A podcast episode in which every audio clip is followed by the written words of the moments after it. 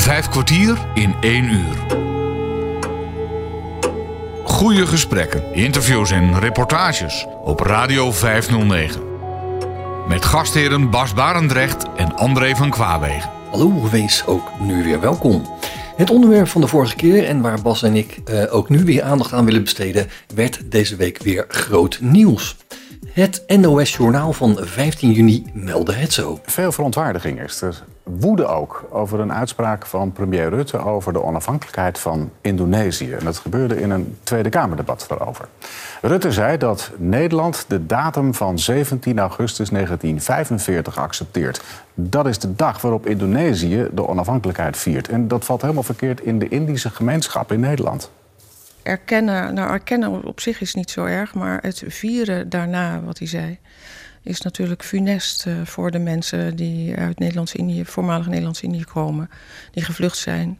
Alhoewel die dreiging er wel voortdurend uh, was dat misschien zo'n uitspraak zou worden gedaan, uh, kwam het toch hard over, omdat we dit niet hadden verwacht. omdat we natuurlijk ook al ja, heel veel jaren verder zijn. Dat het inzicht er ook wel is dat het Molukse volk natuurlijk ook een recht geven op, op vrijheid. En dan moet je niet met zo'n uitspraak komen. Dat is echt ja, olie op het vuur gooien. Dom.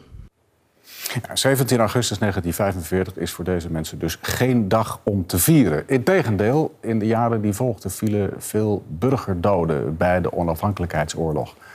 En dat Rutte dan heeft over een viering, dat valt dus verkeerd. Volgens het Indisch platform is het erkennen van 17 augustus 1945 een schoffering en doet het geen recht aan alles wat daarna volgde. Hij slaat over dat er heel veel mensen hier naartoe gevlucht zijn en dat zij uh, geen salaris hebben ontvangen, dat hun familieleden zijn vermoord, afgeslacht. Hij slaat eigenlijk alles over. Alle, alle schuldproblematiek slaat hij over waar hij van wegrent. Eigenlijk, uh, en niet alleen Rutte, uh, premier Rutte, maar eigenlijk elk kabinet. Het is daarom des te meer belangrijk om meer aandacht te geven aan de Molukse zaak. In het Drents Museum is tot 1 oktober de tentoonstelling Menjala, de buitengewone geschiedenis van de Molukkers in Drenthe te zien. Het is inmiddels 73 jaar geleden dat op 25 april 1950 in Ambon Republiek Maluku Selatan, oftewel de RMS, is geproclameerd. Met deze proclamatie kwam een onafhankelijke staat tot stand dat deze staat geen steun kreeg van de Nederlandse regering, zette kwaad bloed bij de tweede generatie Zuid-Molukkers die sinds 1951 in ons land verbleven, nadat hun ouders gevlucht waren uit Indonesië. In het begin waren de acties, je net vorige week, nog vreedzaam, maar daar bleef het niet bij. Maar als het toch gewoon lijkt door te gaan, dan zien we dat een jonge groep Molukkers, 33, waaronder een kwart uit Drenthe komt, de woning van de Indonesische ambassadeur in Wassenaar gijzeld. Daar is ook een Nederlandse politieagent om het leven gekomen. Het villa-dorp Wassenaar is een volle dag lang in de ban geweest van de overval die Ambonese jongeren vroeg in de ochtend hadden gepleegd op de dicht bij de Rijksstraatweg gelegen ambtswoning van de Indonesische ambassadeur. Deze overval, waarbij één politieman werd doodgeschoten, leidde ertoe dat de wegen en lanen rond het gebouw volledig werden afgesloten voor alle verkeer. Politie en marechaussees beperkten zich tot de bewaking van het terrein, maar deden geen aanval omdat er ruim 30 bezetters een vijftiental mensen als gijzelaars vasthielden. Het doen en laten van de bezetters wordt onder andere uit een vliegtuig van de Rijkspolitie bespied. Wanneer omstreeks half één de leider van de Zuid-Molukkers in Nederland, ingenieur Manu Sama, zich bij de ministers Luns en de Jong heeft gevoegd, komt er enige hoop op een succesvolle bemiddeling. Ingenieur Manu Sama heeft echter geen succes. De Zuid-Molukkers dreigen gijzelaars te zullen doodschieten als aan hun eisen geen gehoor wordt gegeven. Dan verklaart de voorganger van de Zuid-Molukkers, dominee Metiari, zich bereid met de bezetters te onderhandelen. Geruime tijd blijft de dominee, die tevens voorzitter is van de Vereniging van Zuid-Molukkers in Nederland, in het gebouw en praat hij met de overvallers. De toestand blijft gespannen tot omstreeks vijf uur, vrij plotseling nog, het bericht komt dat de bezetters bereid zijn zich over te geven. Ze hebben dominee Metiari gevraagd de panzerwagens te laten terugtrekken en aan dat verzoek wordt gevolg gegeven.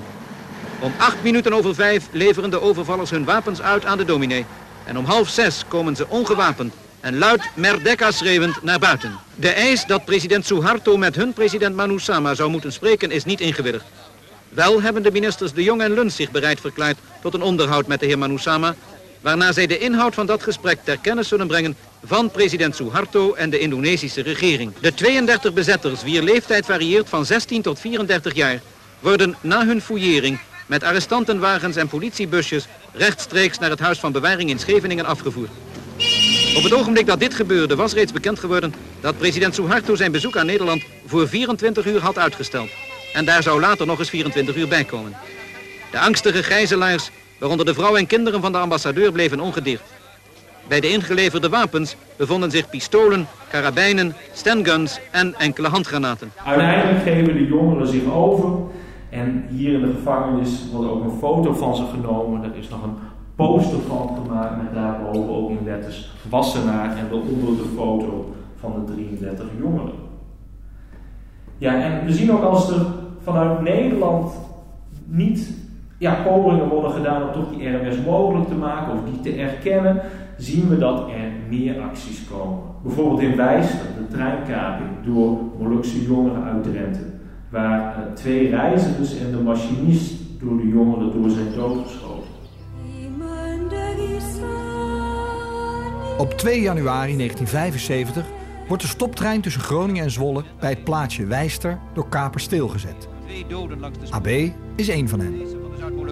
De kaping duurt 12 dagen en de machinist en twee reizigers worden doodgeschoten.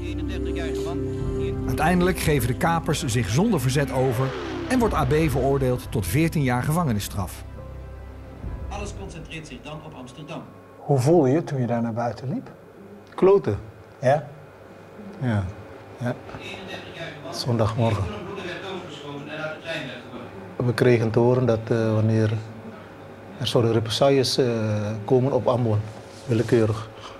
Als we niet zouden stoppen met... Uh, dat was de reden dat jullie het opgaven? Ja. En waarom vreedzaam? Nou, om eerlijk te zijn, na die derde slachtoffer hebben we toen al gezegd dat wij niks meer zouden doen. We hebben toen al tegen die mensen gezegd van als er, want we wisten dat er van buitenaf, wij hadden het gevoel dat er van buitenaf iets zou komen. Dus uh, toen hebben we al, tegen die mensen gezegd van uh, uh, we hebben het gevoel dat er vanavond iets staat te gebeuren. Na, na de derde executie. En, kan, we kan je de gezichten van die mensen die jullie geëxecuteerd hebben nog voor de geest halen? Niet allemaal. Maar een stukje daar praat ik bijna weinig over. Dat is iets wat we van ons. Maar niet allemaal. Maar dat, dat heeft dan ook een bepaalde effect op jezelf. Hè? Dat, heeft ook, uh, dat is iets wat je zelf alleen deelt met, met, met, met de mensen die daar wel hebben gezeten, waar, waarvan we met sommigen wel eens een keer over gepraat hebben. Maar, Gijzelden. Ja, ja. Op zich is het allemaal niet goed te praten, maar je hebt ons ook nooit, niemand heeft ons ook dat horen goed praten. En door Molukse jongen uit Bovensmilde is 77 de gijzelname van de school in Bovensmilde. Geen haven op het hoofd van de uh, kinderen ja, zijn gekrenkt, maar het laat diepe sporen na in de gemeenschap. Ouders van de jongeren hebben wel pogingen gedaan om te interveneren en de jongeren over te halen, te stoppen met deze actie. Het begin van de actie vanochtend, even voor vijven. Kanongebulde, mitrailleurgeratel, volkomen onverwacht. Door de straten van Bovensmilde, op weg naar de bezette school. De taak van de mariniers bij de school was om in die panzervoertuigen naar de school toe te gaan. En op vier verschillende plaatsen zou men dan de school binnentreden. Waarbij één dan de hoofdingang zou nemen. Aan drie kanten werd de school aangevallen met panzerwagens. Werd geschoten met machinegeweren. Machinegeweren die... Uh, de kogels vlogen door de, door de ruiten boven ons. Dan volgde een explosie. We zijn toen als de raphazen roepend naar elkaar naar de schuilplek gegaan die we van tevoren uitgekozen hadden. Daar hebben we ons op de grond uh, gelegd. Uh, even later een hoop gekraakt. Toen reed er een, uh, zo'n panzerwagen reed de school binnen. ik weet wel dat toen alle ruiten en alle deuren eruit vlogen. Overdonderend. Ik sliep gewoon. Dan kwamen ze. En toen heeft het niet lang geduurd. Ik kon geen kant op. Ik had ook geen wapen in handen om het te verweren. Ik weet nog dat er een hoop schimmen door de school renden. Dat je oetjes hoorde knallen. En ik hoorde ook duidelijk dat die Zuid-Molukse jongens riepen van... niet schieten, niet schieten, we geven ons over, we geven ons over. Dus uh, ik ging mijn wapen en stortte de muur in, ging ik een ander lokaal binnen. En dat was de afloop. Ja, en ook, u kent dus vast de gijzelname van het provinciehuis. In 78 hier in Assen, de laatste gewelddadige actie door drie Molukse jongeren. Twee mensen zijn er ook bij om het leven gekomen. En u kunt hier nog de kalender zien, die ligt ook in de tentoonstelling. Daar staat bij de dertiende, de dag dat het gebeurde, heeft een van de Molukse jongeren er ook bij gezet. Een ongeluksdag voor het provinciehuis. Een van deze roerige gebeurtenissen uit de jaren 70 heb ik nog niet genoemd. Dat is de treinkaping bij de punt tussen Assen en Groningen. 23 mei 1977, maandagmorgen even na 9 uur. In de intercity tussen Assen en Groningen wordt er plotseling aan de noodrem getrokken. Negen Molukse jongeren uit Drenthe gijzelen de passagiers in de trein, laten de trein stoppen. De trein is bij spoorwegovergang De Punt gekaapt door negen gewapende Zuid-Molukse jongeren, acht mannen en een vrouw. De jonge gijzelnemers houden in totaal 54 mensen vast. Ze eisen een eigen onafhankelijke Republiek der Zuid-Molukken en willen dat 21 Zuid-Molukse gevangenen worden vrijgelaten. Drie weken lang onderhandelt de politie met de gijzelnemers over de vrijlating met amper resultaat. Na 13 dagen worden alleen twee zwangere vrouwen vrijgelaten en weer drie dagen later een zieke passagier. Op 11 juni, 19 dagen na de gijzeling, besluit minister van Justitie van Acht hard in te grijpen. Mariniers, straaljagers en scherpschutters worden ingezet om de gegijzelde treinpassagiers te bevrijden. Daarna gingen straaljagers over de trein heen. Die creëerden zoveel lawaai dat de mariniers relatief makkelijk de trein binnen zouden gaan. En toen in het vuurgevecht wat ontstond, zijn zes van de negen Molukse jongeren zijn toen om het leven gekomen. Scherpschutters nemen de kop van de trein en het middelste gedeelte onder vuur. Daar zitten de gijzelnemers. Mariniers dringen de trein binnen. Drie minuten later zijn zes van de negen gijzelnemers dood. Ook twee passagiers komen om. Veertig jaar later weten we nog steeds niet precies wat er is gebeurd in die drie minuten. Nabestaanden en een anonieme bron van de mariniers zeggen dat de mariniers de opdracht hebben gekregen alle gijzelnemers te doden. Minister Van Acht heeft dat altijd tegengesproken. Volgens hem was de opdracht de gegijzelden te bevrijden met gepast geweld, maar met zo weinig mogelijk doden. Bas Barendrecht bezoekt in het Trends de tentoonstelling Menjala, de buitengewone geschiedenis van de Molukkers in Drenthe. U kunt nog het koersbord zien in de tentoonstelling, wat aan de zijkant van de trein altijd zat. Het gaf aan waar de trein naartoe gaat. Daar zitten nog de kogels in, die de, uh, de kogelgaten in van de kogels die de mariniers hebben afgevuurd. Een van de drie jongeren die het heeft overleefd was Yunus Ririmas, komt uit Bovensmilde. En uh, hij was een kunstacademisch student, heeft in de gevangenis gezeten na de kaping en daarna heeft hij de percelen weer opgepakt. Hij is verder gegaan als schilder en hij geeft ook zijn emoties weer in zijn schilderijen. Daarom maakt hij die schilderij eigenlijk voor zichzelf, om zich te kunnen uiten. We zien hem hier zelf ook afgeschilderd met zijn lange haren. We zien een foto van die geëxecuteerde president van de Molukken, Christo Mokil. En we zien al helemaal links, ziet u een Molukse vrouw in een wijk in Assen of in Bovensmilde. Zij kijkt door vitrage en ziet dan de baai van Ambon met bergen en op het strand ziet ze daar voor zich liggen. Een soort van droombeeld, het onderscheid tussen oost en west, maar ook het verlangen om daar weer te kunnen zijn. En wat wel heel interessant is, is dat een van onze werkgroepsleden is de nicht van Yunus Ririmas. Zij heeft het artistieke stokje van hem overgenomen. Yunus was schilder en Gloria Lapia, zijn nicht, is dichter, spoken word dichter. En zij heeft over haar oom het volgende te zeggen. Mijn oom was Yunus Ririmasse. Hij was een van de treinkapers of actievoerders bij de punt. Ze wilde gewoon gehoord worden. In die tijd heeft hij dan zeg maar geweld gebruikt voor zijn ideaal, dus de NMS. Maar niet alleen voor de NMS, eigenlijk ook gewoon voor, voor zijn volk. Voor zijn ouders die nou, hier eigenlijk niks hadden en eigenlijk gewoon terug wilden naar Molukken.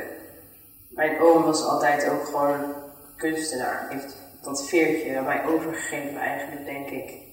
Tenminste, zo voelt dat voor mij. Ik hoop dat mensen vrijheid vinden in mijn teksten. Of er op, naar op zoek gaan. door mijn teksten.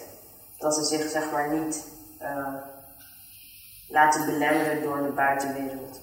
Of wat anderen van, van ze vinden. Of wat iemand denkt. Of tradities.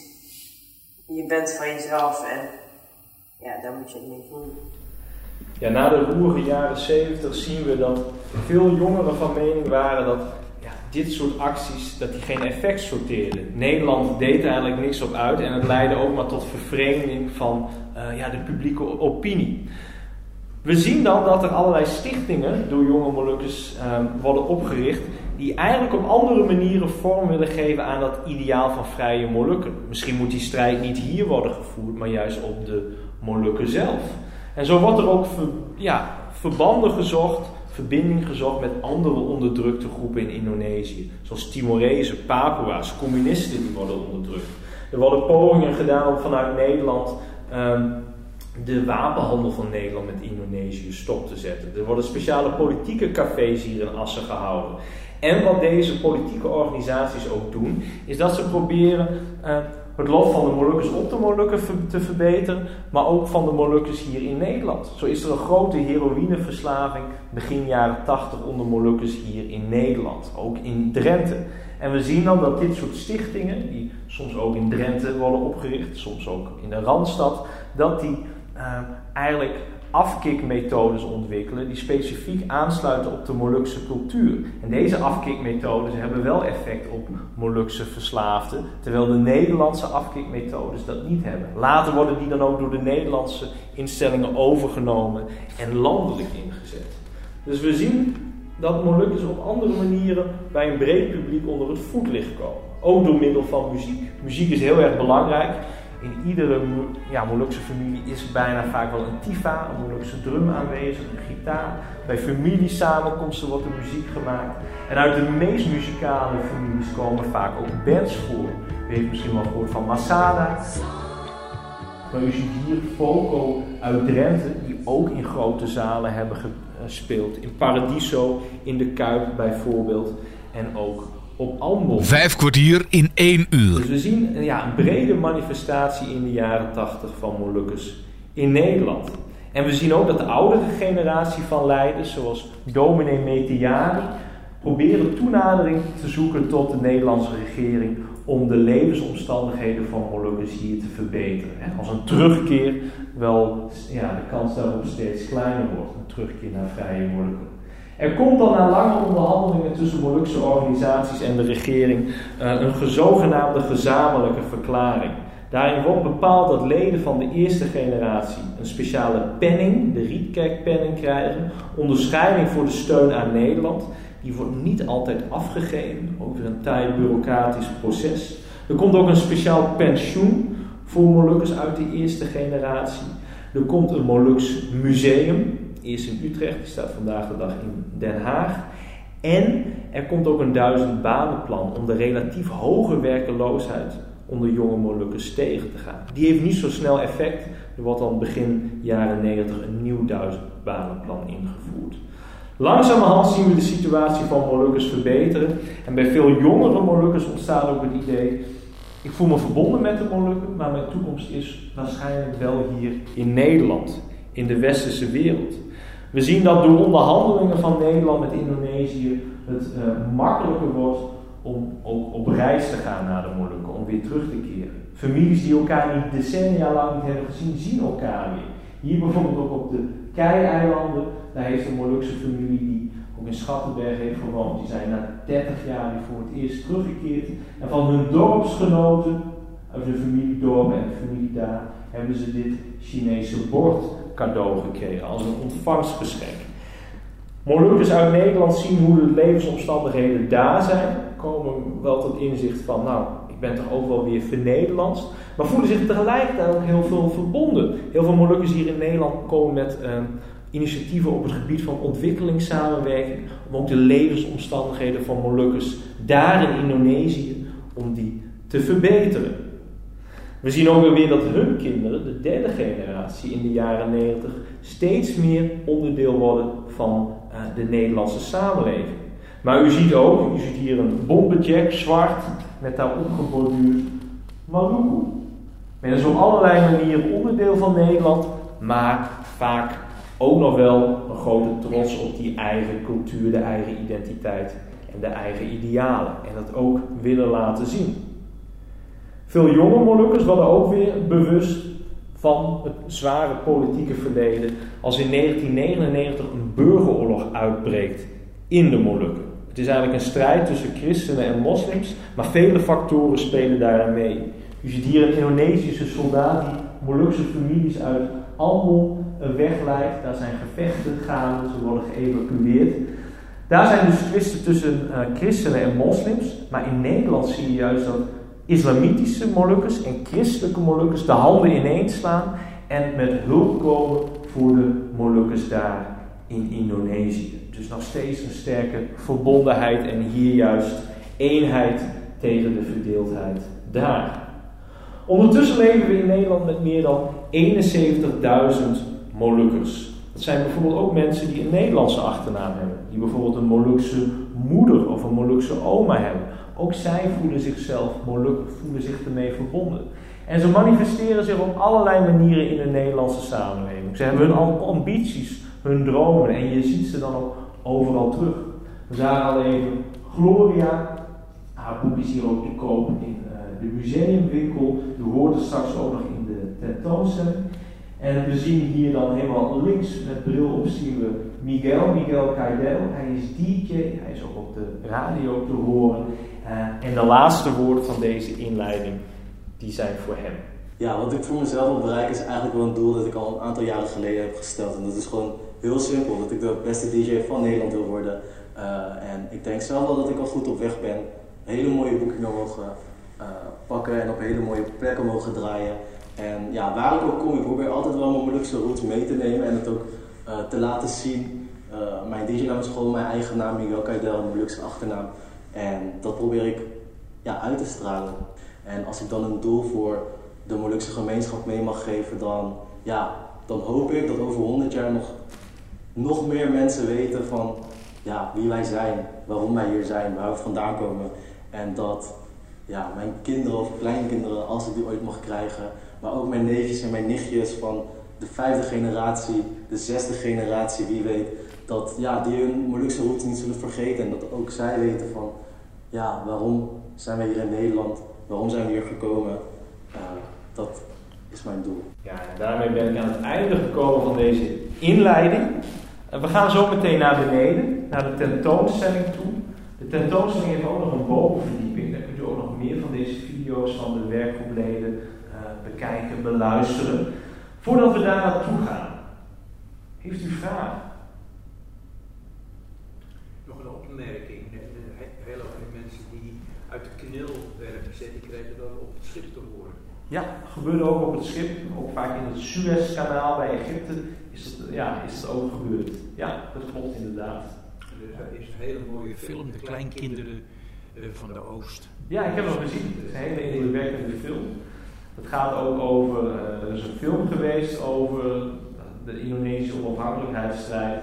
En daarin heb je ook een, een Nederlandse jongen die speelt dan een uh, nou, Nederlandse vrijwilliger die naar Indonesië toe is gegaan en een Molukse acteur een Nederlands Moluks, die speelt daar een Molukse kneelsoldaat. En in die documentaire Kleinkinderen van de Oost, dat staat ook op Amazon Prime, dat staat online, dan kunt u hem streamen. Daar gaan ze dus ook op zoek naar hun familieverleden, want hun opa's hebben ook allebei aan Nederlandse zijde gevochten in die onafhankelijkheidsoorlog. Gaan bestuderen ook wat er met de Molukkers is gebeurd, maar ook hoe de verhoudingen daar zijn, hoe het leven nu in Indonesië is, hoe mensen ook tegen dat verleden aankijken. Oorlog is zwart-wit. Je bent dader of slachtoffer. 75 jaar geleden wilde Nederlands-Indië onafhankelijkheid. Nederland zag dit anders. Ze stuurden 100.000 soldaten om de opstand te breken en de kolonie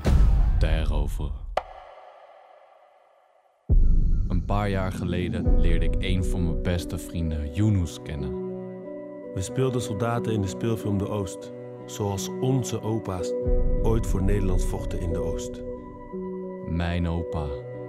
Een van de weinige verhalen die ik over hem ken, gaat over die oorlog aan de andere kant van de wereld. Wat ik weet over mijn opa is van generatie op generatie doorgefluisterd. Ons land, onze tradities, onze levens. De Hollanders namen ons alles af. Wat heeft mijn opa daar gedaan? Achter zijn leven verborg zich iets donkers. Een inktzwarte wereld achter een gulle lach. Een verhaal over de Oost. De oorlog. De zoektocht. Familie. Verraad. Een geschiedenis waar de generaties voor mij over zwegen. En waarover de generaties voor mij het zwijgen is opgelegd. Ja, zeer, uh, ja, zeer aan te raden. Vijf kwartier in één uur. De acties waar de Molukkers bij betrokken waren, waren een schreeuw om hulp, waarbij het niet de bedoeling was om slachtoffers te maken, maar aandacht gevraagd werd voor de Vrije Republiek Zuid-Molukken. Het zal uiteindelijk leiden tot berusting en de volledige integratie van de Molukse gemeenschap in Nederland. Dit is allemaal te zien in het Drents Museum. Daar is momenteel de tentoonstelling Menjala te bezichtigen. Het vertelt aan de hand van 100 voorwerpen, video's, foto's en spoken word over de pijn en het verdriet, maar ook over de ambities en idealen van de Molukkers. De tentoonstelling laat net een ander licht schijnen op de Molukse geschiedenis dan hoe we die doorgaans kennen. Aan de hand van museumdocent Kees Dinkla bezoek je na zijn lezing nu de tentoonstelling. Op Radio 509. Hier lopen we de tentoonstelling op. Het zijn allemaal nagemaakte stoelen met RE erop. RE staat dus voor uh, Rijkseigendom. En veel Molukkers voelden zich, toen ze in Nederland kwamen, toen ze ontslagen werden, voelden zich eigenlijk als een beetje verwaarloosd Rijkseigendom. Ze hadden zich natuurlijk altijd voor het Rijk ingezet. En toen ze in Nederland kwamen, kwamen ze in kampen onder slechte omstandigheden. Op dit soort stoelen kwamen ze te zitten, heel oncomfortabel. En men voelde zich dus ook zelf een beetje verwaarloosd, aan het lot overgelaten. Waren wel christelijke verenigingen die Molukken steunden, die ook wel hulpacties uh, voerden. Maar mensen werden toch in geïsoleerde gebieden eigenlijk neergezet. Sommige kampen waren wel vlakbij dorpen. Maar als je dan bijvoorbeeld in Schattenberg zat, 3000, dat was toch een heel Moluks dorp op zich eigenlijk. Best wel geïsoleerd van de ja, bredere Nederlandse samenleving. Ook moeilijk om dan aan het werk te gaan. Wat overigens toch best veel Molukse mannen hebben gedaan, terwijl ze daarvoor ontmoedigd werden. Als we hier even uh, direct voor u rechts lopen, hebben we hier achter glas een originele RE-stoel staan. Rijkseigendomstoel. Maar hiernaast hebben we ook een paar nieuwe staan. Als u wilt kunt u die even uitproberen. Ik denk dat u die misschien die stoelen ook wel kent. Uh, het zijn ouderwetse keukenstoelen ja, eigenlijk. Ja. Mijn vader heeft ook nog zo'n uh, stoel in, uh, in zijn werkplaats staan. Die ken ik al sinds ik heel jong ben. Ik weet niet hoe mijn vader eraan komt. Maar dit is dus de enige stoel waarop je kon zitten. Of je kon op je matras gaan liggen waar de stro in zat. Kunt u nagaan hoe het comfort daar was in die, uh, nou ja, non-existent bijna. Ja. Maar vaak rond de kachel zitten. Ja, ja. precies. Zo. Um, u kunt de andere stoelen nog even proberen als u wilt. Hier hebben we dus het voorouderbeeld gemaakt van hout. Met uitgespreide armen. Er worden schaduwbeelden gezien. Ze geven natuurlijk ook wel een schaduw af met licht erachter. Een grote spriet er ook achter, heel mooi versierd. Vroeger geloofden Molukkers in verschillende goden. En heel lang is men ook nog wel voorouders blijven vereren. Ook toen veel Molukkers al christelijk zijn geworden en islamitisch. Toen de Nederlanders nog aan de macht waren, dus vlak voor de Indonesische onafhankelijkheid, was ongeveer 60% van de Molukkers waren christelijk. 40% islamitisch. Nu is dat veranderd. Nu is 60% islamitisch, 40% christelijk. Maar dat komt ook omdat er heel veel migratie is geweest vanuit bijvoorbeeld Java, andere grote Indonesische eilanden, naar de Molukken toe. Ja, dat heeft ook wel weer tot spanningen uh, heeft dat geleid. Ja. Dit is dus ook weer door de Nederlanders is het meegenomen. Je kunt je afvragen hoe ze eraan zijn gekomen. Vaak werd het ook gewoon geroofd, plundertochten die zijn gehouden. Meegenomen. Meegenomen, ja. Radio, Radio 509. Radio 509.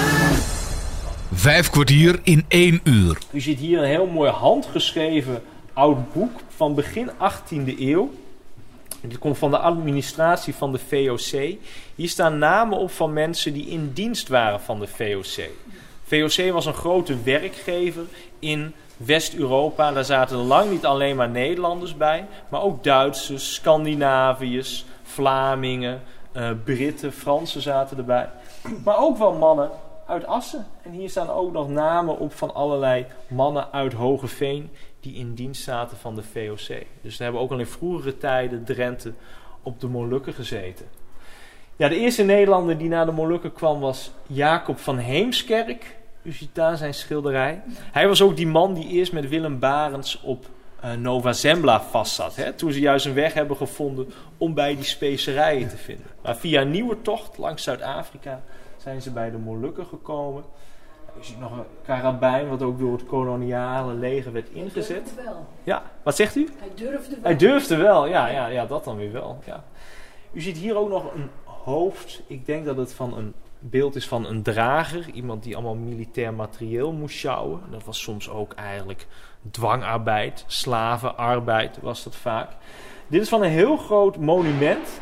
Wat in uh, 19 ik kan ernaast zitten qua jaartal. Maar in de jaren 20 in ieder geval van de 20ste eeuw gebouwd is ter ere van die Jo van Heuts. Jo van Heuts, afkomstig uit Koevoorde. Uh, generaal die Atje heeft veroverd. Met het kneel waarin dus ook veel uh, Molukkers hebben gediend. Ja, Molukkers waren eigenlijk heel belangrijk voor die verovering van Nederland van de Indische archipel. Alleen ze waren dus... Uh, uh, niet het, hele knil. Ze waren in de totale bevolking van Indonesië ongeveer 0,8 procent. Maar in het knil waren ze ongeveer 10 procent van de soldaten. Dus ze waren relatief oververtegenwoordigd. Maar er zaten ook Javanen in. Die werden vaak weer slechter betaald. Die vormden het gros van de soldaten. Ja, en als we hier doorlopen, dan zien we ook een van de koffers. U hoort trouwens op de achtergrond zult u nog wel vaker horen, hoort u het uh, gedicht van Gloria, die we ook al even over haar oom hebben gehoord.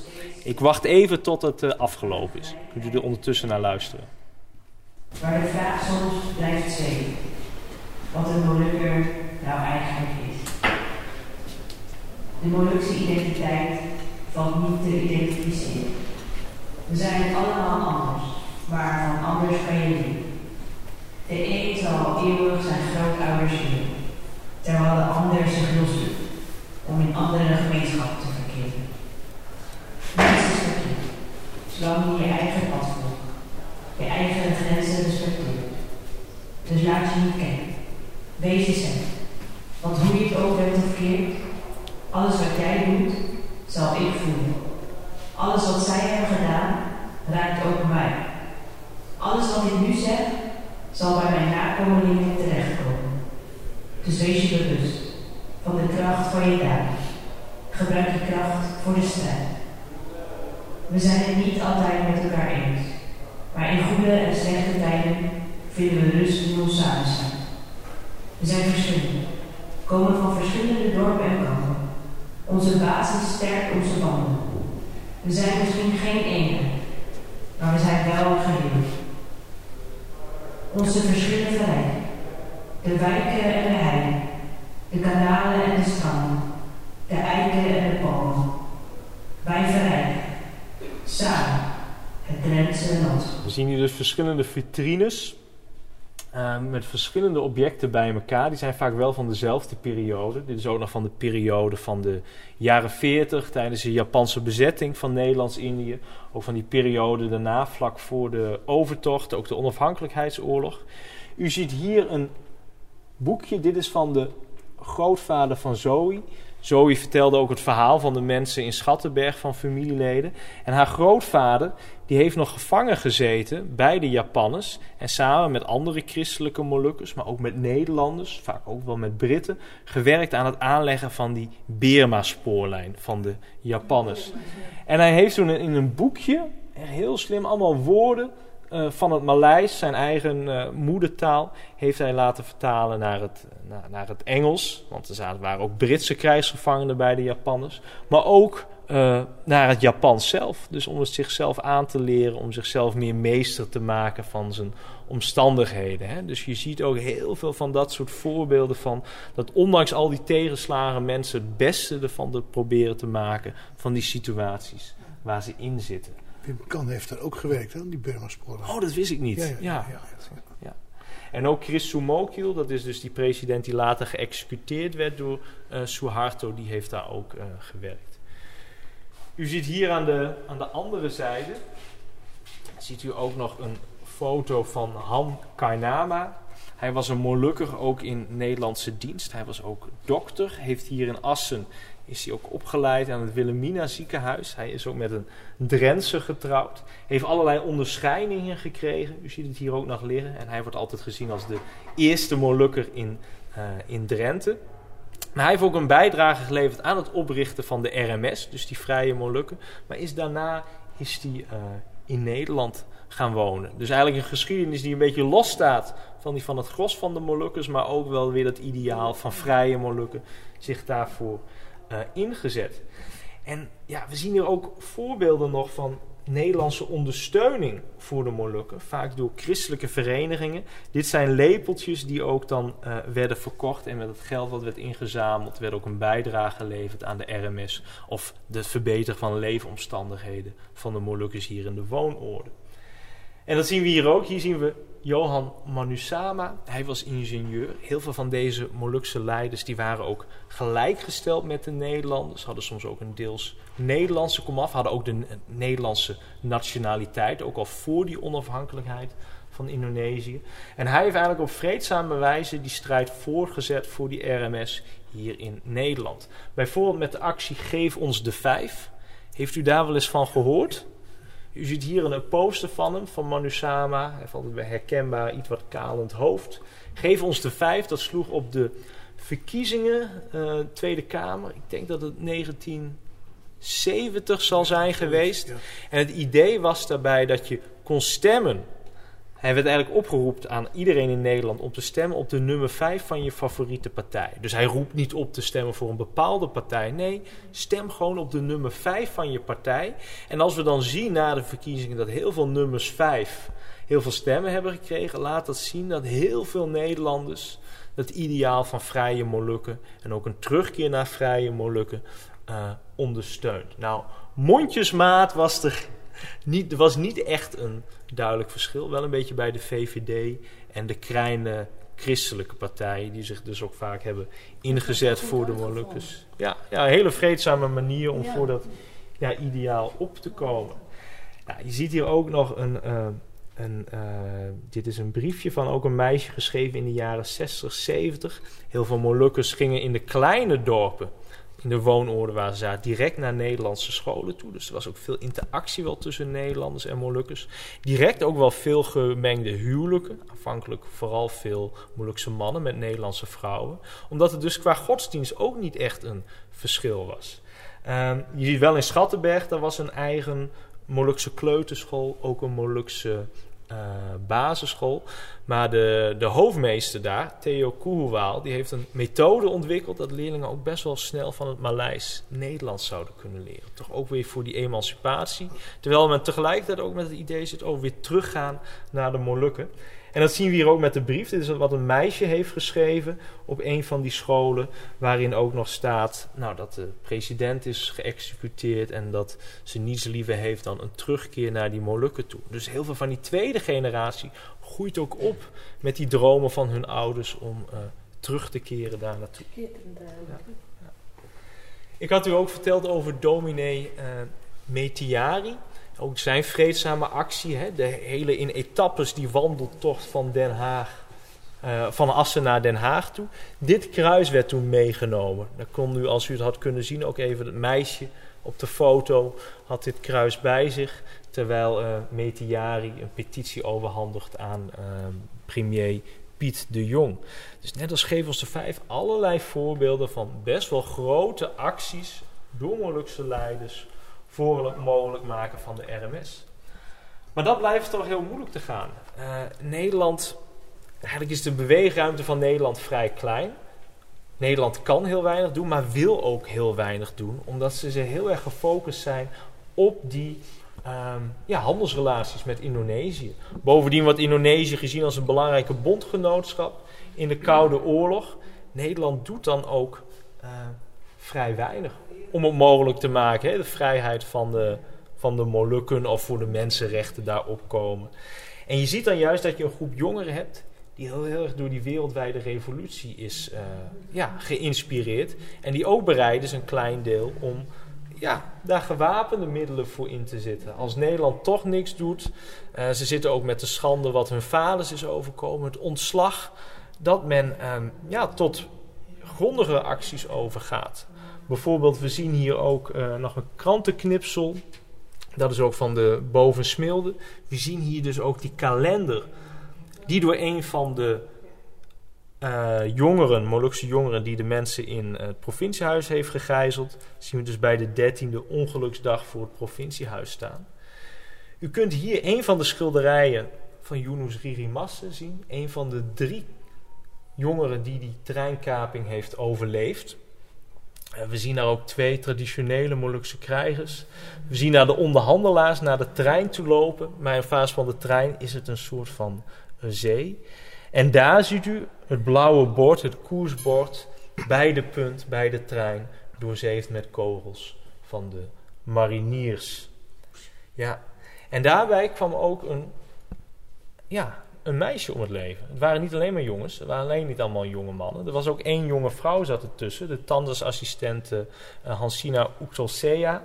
Zij voetbalde ook bij FC Ambuena, die voetbalclub van Molukkers hier in Assen, waar ik het eerder over had. Het waren toch vaak ook jongeren die zich op allerlei manieren ook voor de samenleving wel inzetten. Soms ook studenten op de PABO waren, ja. In deze vijf kwartier in een uur bezoekt Bas Barendrecht het Drents Museum en bewondert daar de tentoonstelling Menjala. Dat gaat over de buitengewone geschiedenis van de Molukkers in Drenthe. We zien hier ook gebruiksartikelen inderdaad. Dit is een asbak. U ziet daar op Wilco staan. Heeft u wel eens van Wilco gehoord? De conservenfabriek? Ja, boontjes werden in blik gestopt. Ja, Molukkers in de jaren 50 kwamen in Schattenberg terecht. Ook in andere woonoorden bij Norg, uh, bij Hogeveen. Het was heel erg ontmoedigd om te gaan werken. Het was niet verboden, maar het werd ten zeerste ontmoedigd. Ook Nederlandse vakbonden wilden geen ja, goedkope concurrentie op de arbeidsmarkt. En zo ontstond ook weer het beeld dat je niet mocht werken. Maar veel Molukkers gingen het toch doen. Soms zwart voor boeren in de buurt, als je heel geïsoleerd in Schattenberg zat. Maar soms ging je dan ook met de poeg, met de brommer, was je toch wel redelijk mobiel. Ging je mee uh, naar werk, bijvoorbeeld in de fabriek. Uh, en in die fabrieken, daar werkten jongere en oudere Molukse mannen, dus vaders en zonen vaak, naast Nederlandse vrouwen die daar vaak ook zaten. En daar op de werkvloer had je nog steeds vaak het respect voor degene die hoger dan jij in rang was. Dus ze zaten niet meer in het leger, maar er was vaak nog wel een appel in de kampen, waarbij de vlag werd gehezen, de RMS-vlag. En ook als er dan gewerkt werd buiten de kamp, sprak je toch je meerdere met major aan. Ook als je bijvoorbeeld niet in het leger had gezeten. Dat was een stukje respect. Vanochtend had ik nog een uh, onderwijsgroep, een schoolgroep. Dat was een groep 7 uit Assen. En er zat ook een Molukse jongen tegen. Die zei van ja, ik spreek nog steeds iedereen met u aan. Ook mijn ouders, iedereen. Dat is toch een stukje respect. Wat je dus daar ook op die werkvloer zag. Uh, daarbij uh, bij Wilco. Ja, en het geeft dus ook aan dat Molukkers, ondanks de ontmoediging, toch proberen te werken om het beter te maken voor hun gezin. We zien hier trouwens ook nog uh, brieven liggen van Van de Veen. Soms werd het ook heel moeilijk om ja, Molukkers werden soms ook gediscrimineerd, uit winkels gezet. Was het niet mogelijk bepaalde waar te kopen. En de eigenaar van Van de Veen die ging daar heel erg tegen in verzet. Die kwam heel erg op voor de Molukkers. Die zorgde voor hele warme banden. Dus je ziet ook dat er heel veel voorbeelden zijn van Drenthe. En uh, Molukse Drenthe, Nederlandse Drenthe. Een soort V&D-zaak was dat. Ja, ja, ja, was de grootste, waar, één na grootste warenhuis qua oppervlakte in, uh, in Nederland. Radio 509. Vijf kwartier in één uur. We hebben hier de sleutels van al die verschillende barakken in Kamp Schattenberg. Kamp Schattenberg, waar na de oorlog U weet het misschien wel, ook NSB'ers hebben gezeten, maar ook Indische Nederlanders zaten daar. Sommigen zaten daar ook nog van die Indische Nederlanders toen de Molukkers zijn gekomen. Uh, er zijn de sleutels van alle verschillende vertrekken. Ja, er waren veel faciliteiten. Er was bijvoorbeeld ook een schouwburg waar films als Ben Hur werden gedraaid. Uh, dus enerzijds gebeurde er ook wel wat om het leven wat makkelijker te maken. Anderzijds waren die faciliteiten toch heel erg slecht. Mensen hadden geen werk, het was te tochtig, het was te koud. Aanvankelijk dus ook alleen maar uh, ja, Nederlands gekookt. Ja, u ziet hier ook nog Molukkers die zich op allerlei manieren, objecten van Molukkers die op allerlei manieren eigenlijk onderdeel zijn van de Nederlandse samenleving. Ook vormgeven aan hun dromen. Eén die al in de jaren 80, 90 politieagent wordt. Maar ook bijvoorbeeld in deze tijden voetballer. Bij SC Heerenveen. Nou, Molukse voetballers, die, die, kennen we, die kennen we wel meer. Uh, Simon Tahamata bijvoorbeeld. Uh, Giovanni van uh, Bronkhorst is ook een voorbeeld ervan. En ehm, als u hier nog even verder kijkt. We hebben hier een heel mooi boekje. Dit zijn pantoens. Dat is een dichtformule eigenlijk uit het Maleis. Dit is gemaakt dit is eigenlijk een initiatief geweest, ook van Molukkers, om ook weer de, de wonden in de gemeenschap in Bovensmilde te helen. er waren natuurlijk Molukse jongeren die hele jonge kinderen daar gegijzeld hadden in de lagere school. Je kon haast niet meer merken dat het een gijzeling was. Ze gingen aardig met je om. En als je ging slapen, vroeg ze altijd, lig je zo lekker? Heb je genoeg deken? Als je geen deken had, kreeg je zo'n deken. Maar later zien we dat uh, kinderen, uh, weer de kinderen van ouders die als, zelf als kind vaak op die school hebben gezeten. Dat uh, ja, die samen met ook Molukse kinderen hebben ze allerlei gedichten geschreven in die Maleise stijl, ook vertaald naar het Maleis, om toch een beetje die wonden daar weer te helen. Dus eigenlijk initiatieven zijn er ook opgericht om de Nederlanders en de Molukkers in Bovensmilde weer meer bijeen te krijgen. Ja. Ja, en we zien hier nog een boekje. Dit is een boekje van uh, Pabo de Eekhorst hier uit Assen. Uh, daar begon men, docenten, sommigen ook Moluks, die begonnen direct na al die gewapende acties, soms ook al tijdens, uh, ja, voor meer inleving in de Molukse cultuur. Men zou ook les gaan geven aan Molukse kinderen. Uh, een van de studenten was ook een van de jongeren geweest die bij de acties betrokken was. Er moest toch ook meer inzicht komen in de Molukse cultuur. En we zien dan ook methodes die zich erop richten om meer kennis te krijgen van de Molukse cultuur. Ook weer tot ja, meer wederzijds respect en, uh, ja. en integratie gericht. Ja. Nou, u ziet hier ook nog een, um, een buideltje. Dit is ook wel heel bijzonder. Dit is een buideltje van een Molukse straatmuzikant uit Assen. Hij was heel bekend. En in dit buideltje had hij zijn methadonpillen en uh, zijn Bijbel. En uit die Bijbel kreeg hij kracht in moeilijke tijden. In deze tijd, we zitten al rond uh, 1980, waren er best wel veel verslaafden in Nederland, maar verhoudingsgewijs ook best wel veel onder Molukkers. Dat zal ook te maken hebben gehad met waar de kinderen mee zijn opgegroeid. Vaak kregen ze een laag scholingsadvies, uh, eigenlijk lager dan terecht was. Ze groeiden ook op met ouders vaak met oorlogstrauma's. Uh, soms ook wel weer een taalachterstand, omdat hun ouders het Nederlands niet nou, zo machtig waren als nou, gewone Nederlandse families. De woonwijken waar de levensomstandigheden ook niet ideaal waren. Ook niet in de woonorde, best wel geïsoleerd. En we zien dan dus dat er ook Molukkers zelf instellingen in het leven hebben geroepen, afkikmethodes, die hielpen om die verslaving tegen te gaan. Echt weer mooie voorbeelden hoe Molukkers keer op keer ook initiatieven nemen om uh, ja, eigenlijk de eigen levenskwaliteit te verbeteren. Dit is in Nederland, maar ook met allerlei ontwikkelingsinitiatieven op de Molukken. De tijdlijn. Uh, we zien hier dus ook de aankomst van Molukkers. Hier in de verschillende woonoorden in Drenthe. Ook met de autobussen die we net al zagen. Eigenlijk een beetje het vervolg van het filmpje waarmee we begonnen. Werden mensen hier naartoe gebracht. Vaak ook nog de uniformen aan. Dit gaat ook over de komst van Molukkers die in de eerste woonwijk in Assen te wonen komen. U ziet hier in één barak de groep van Alexander Leasa. En hij was een soldaat uit het Knil die met, familie, met uh, zijn familieleden, maar ook andere voormalige soldaten. Qua leeftijd zijn ze best wel verschillend. Hij is een relatief jonge soldaat. Er zitten ook oude veteranen tussen. Zij hebben twee barakken, uh, of een aantal barakken, twee jaar lang hebben ze bezet. bezet eigenlijk uit protest tegen het Nederlandse beleid. Hè? Dat men eerst aan het werk moest en twee, dat men ook naar speciale woonwijken overging. Dat eigenlijk een terugkeer naar vrije Molukken wel heel erg lastig werd. En die mensen zitten daar zonder water, er wordt wel drinken, er wordt ook wel, ze worden wel gesteund buiten het kamp. Maar er zijn ook wel groepen die zich eigenlijk tegen hen verzetten. Die eigenlijk van hou hier nou eens mee eens op. Jullie houden de boel een beetje op. Laten we overgaan naar de woonwijken. De Nederlandse regering die laat het eigenlijk een beetje uh, met rust. Die laat ze daar ook wel een tijd zitten. Maar dat geeft aan hoe ver de principes gaan en hoe ver men ook het, uh, ja, het onrecht ervaren heeft. En ja, het is heel aangrijpend om ernaar te luisteren. Ik kan het aanraden daar even de tijd voor te nemen. Ja, hier zien we ook nog een aantal andere foto's. Bijvoorbeeld uh, Wijster hebben we hier ook, wat daar is gebeurd. En ook boven Smilde, heel bekend. Hè? De, de, school, de lagere school, de meente. Waarbij de ramen ook met kranten waren afgeplakt. Op een gegeven moment ook de kinderen uit het raam riepen van, acht, wij willen leven. Hè? Bekende leus. Uh, Dries van Acht was toen volgens mij minister van Justitie op dat moment. Hij ging eigenlijk over het hele crisisteam in die tijd. En dat vond op dezelfde tijd plaats als uh, de punt. Nou, u heeft dat ook allemaal meegemaakt destijds.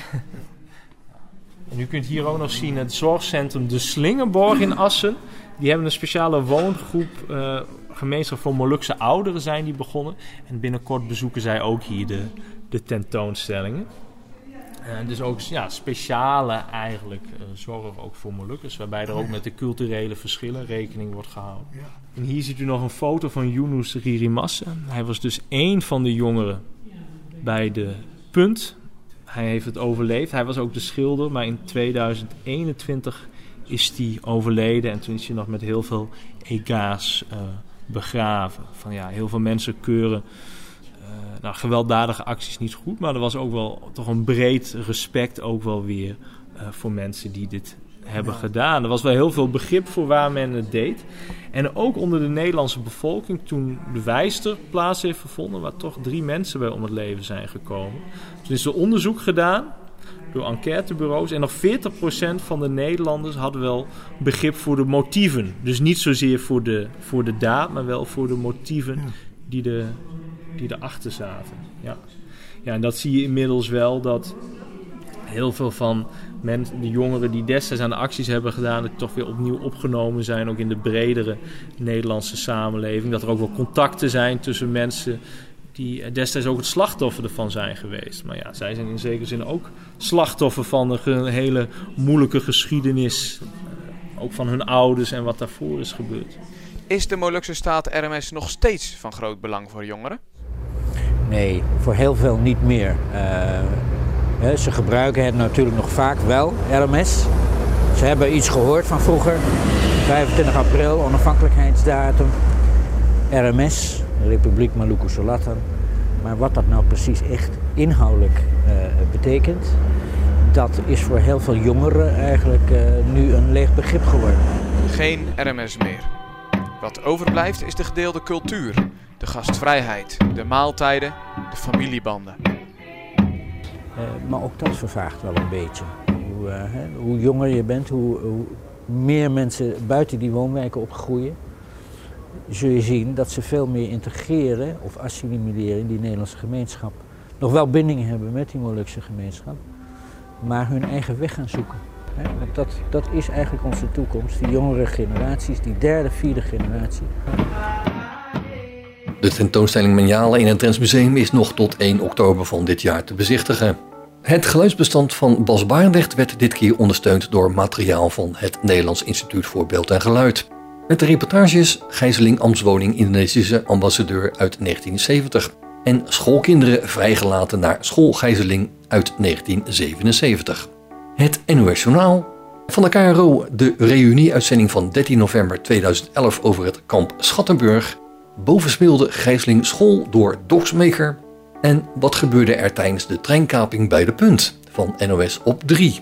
Dan hoorde je ook nog de trailer Kleinkinderen van de Oost uit 2023. En als laatste delen van de Molukse tradities zijn sterk. Archiefbeeld 1 mei 2010 van het Reformatorisch Dagblad. Ik bedank je mede namens Bas Barendrecht voor het luisteren. En heb je nog vragen of opmerkingen of wil je zelf wel eens aan het woord komen? Dan kan je een mailtje sturen naar bas.radio509.nl Dit programma is ook te beluisteren via de podcast van deze zender. Geniet van de rest van deze dag, blijf luisteren naar Radio 509 en tot een volgende keer.